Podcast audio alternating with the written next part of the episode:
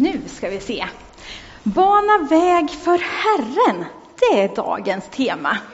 Bana väg.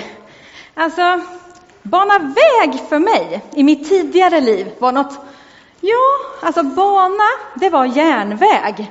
Och väg, det var riksväg 50 som skulle gå förbi Motala. Så det här med bana väg för Herren, det är lite nytt för mig när jag börjar fundera över det här. Men hur banar man då väg?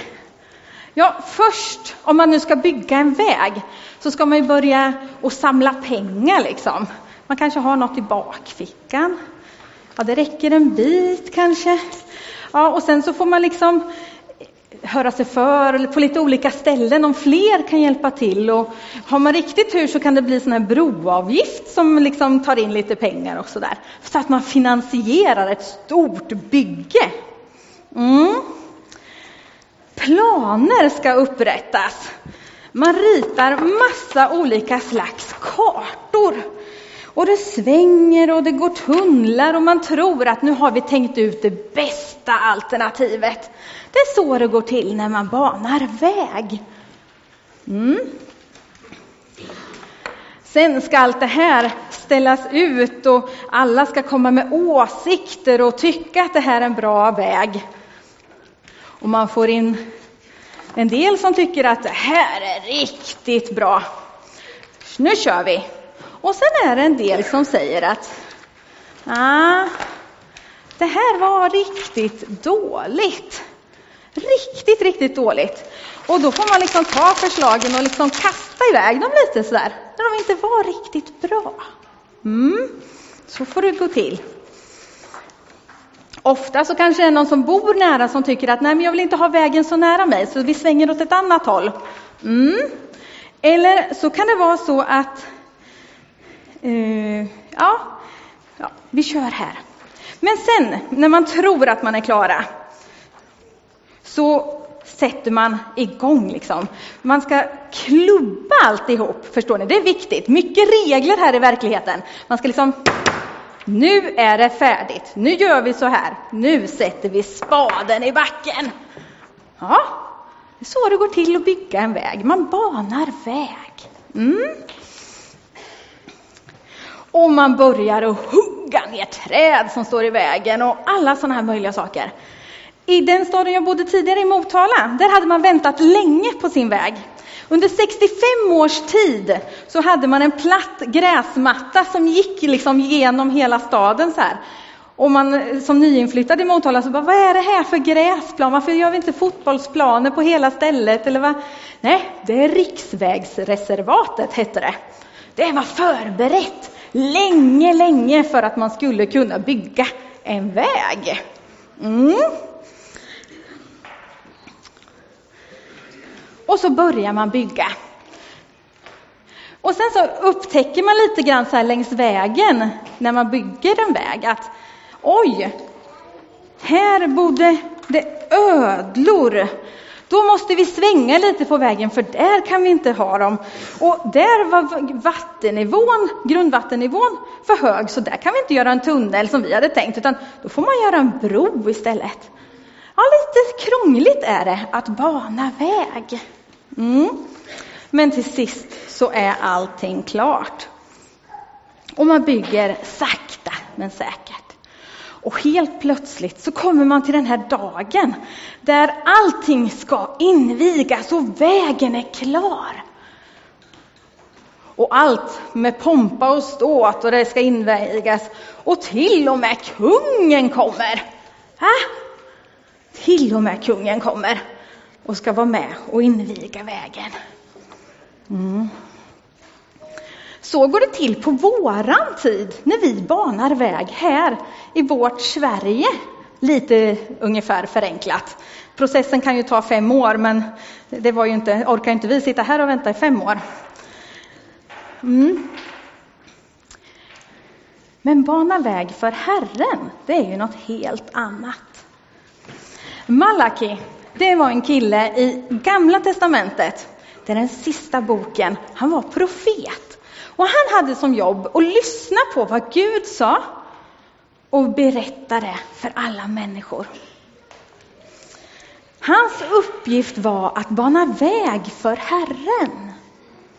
Och han försökte på alla möjliga sätt att förmedla det Gud sa till folket. Att de behövde göra saker på ett bättre sätt och för att liksom behaga Gud och göra som Gud ville. Men man ville liksom inte riktigt lyssna på vad Malaki sa. Det han försökte var ju att hjälpa alla att leva det liv som Gud gillade liksom. Och om man funderar då lite på hur mycket tid och energi som vi lägger på att bygga en väg här i Sverige idag. Det är ju alltså hundratals människor som jobbar med en sån process på olika sätt. Och sen så var det Malaki som skulle försöka bana väg för Herren genom att vara profet i ett land där man inte ville lyssna på Gud. Han hade ett ganska tufft jobb, tror jag. Han hade ju lite präster till hjälp, men de hjälpte inte riktigt till. För de hjälpte människor att fuska och göra fel och, och offra på orätt sätt och sådär. Så de var ju liksom inte riktigt till hjälp.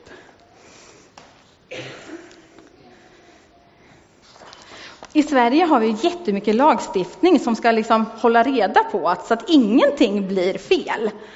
Och så att allting går på rätt spår när man bygger.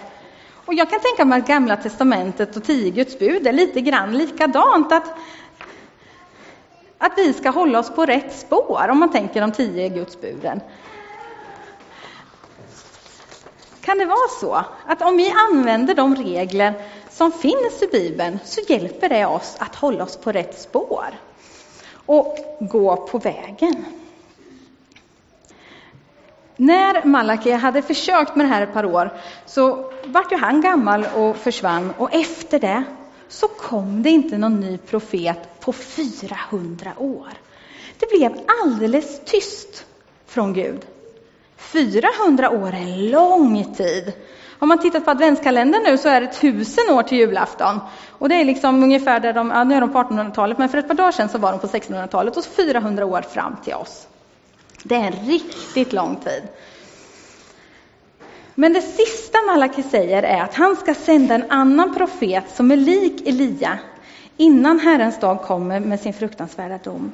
Det han predikar ska föra föräldrar och barn tillsammans igen så att de blir ett hjärta och en själ.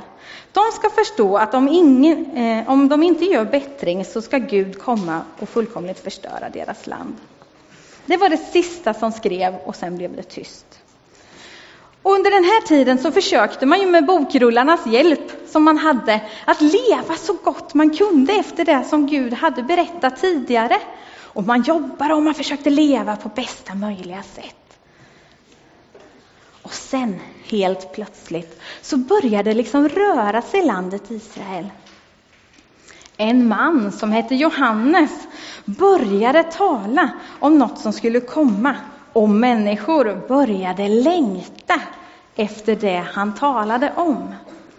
De ville ha det i sina liv, för de förstod att det kunde förändra dem. Och det är ju här vi är idag också. Vi kan låta Jesus förändra oss, de som vi är. Han vill göra förändringar i våra liv. Inte för att vi inte är bra, utan för att han älskar oss och vill att vi ska leva tillsammans med honom. Så om vi lever ett liv som liksom banar väg för Jesus, ärar honom, visar vem han är genom ord och handling när vi möter våra medmänniskor på förskolan, skolan, arbetsplatser och berättar om vem Jesus är som älskar oss, var och en, sådana som vi är, skapta till en avbild av Gud. Och som, han vill ju att vi ska vara, vara hans barn. Låt oss bli hans konungabarn och ha liksom Jesus som kung och bana väg för honom. Tänk i advent att vi får möjlighet att bana väg för Jesus. I litet och i stort. Det är så spännande. Tänk vad det kan få göra med oss och med dem vi möter runt omkring oss. Vi ber en bön. Tack Jesus för att du är med oss när vi ska bana väg för dig. Tack Fader att vi får bana väg för dig i våra liv, Herre. Tack Jesus för att du vill komma till oss som en kärleksfull far och verkligen möta oss var och en. Och tack Herre att du ser oss i stort och smått. Inget är för stort och inget är för litet. Vi lägger inför din tron Herre och du är med och bär. Du förändrar. Du utmanar. Du gör. Tack Jesus för att du älskar oss var och en. Amen.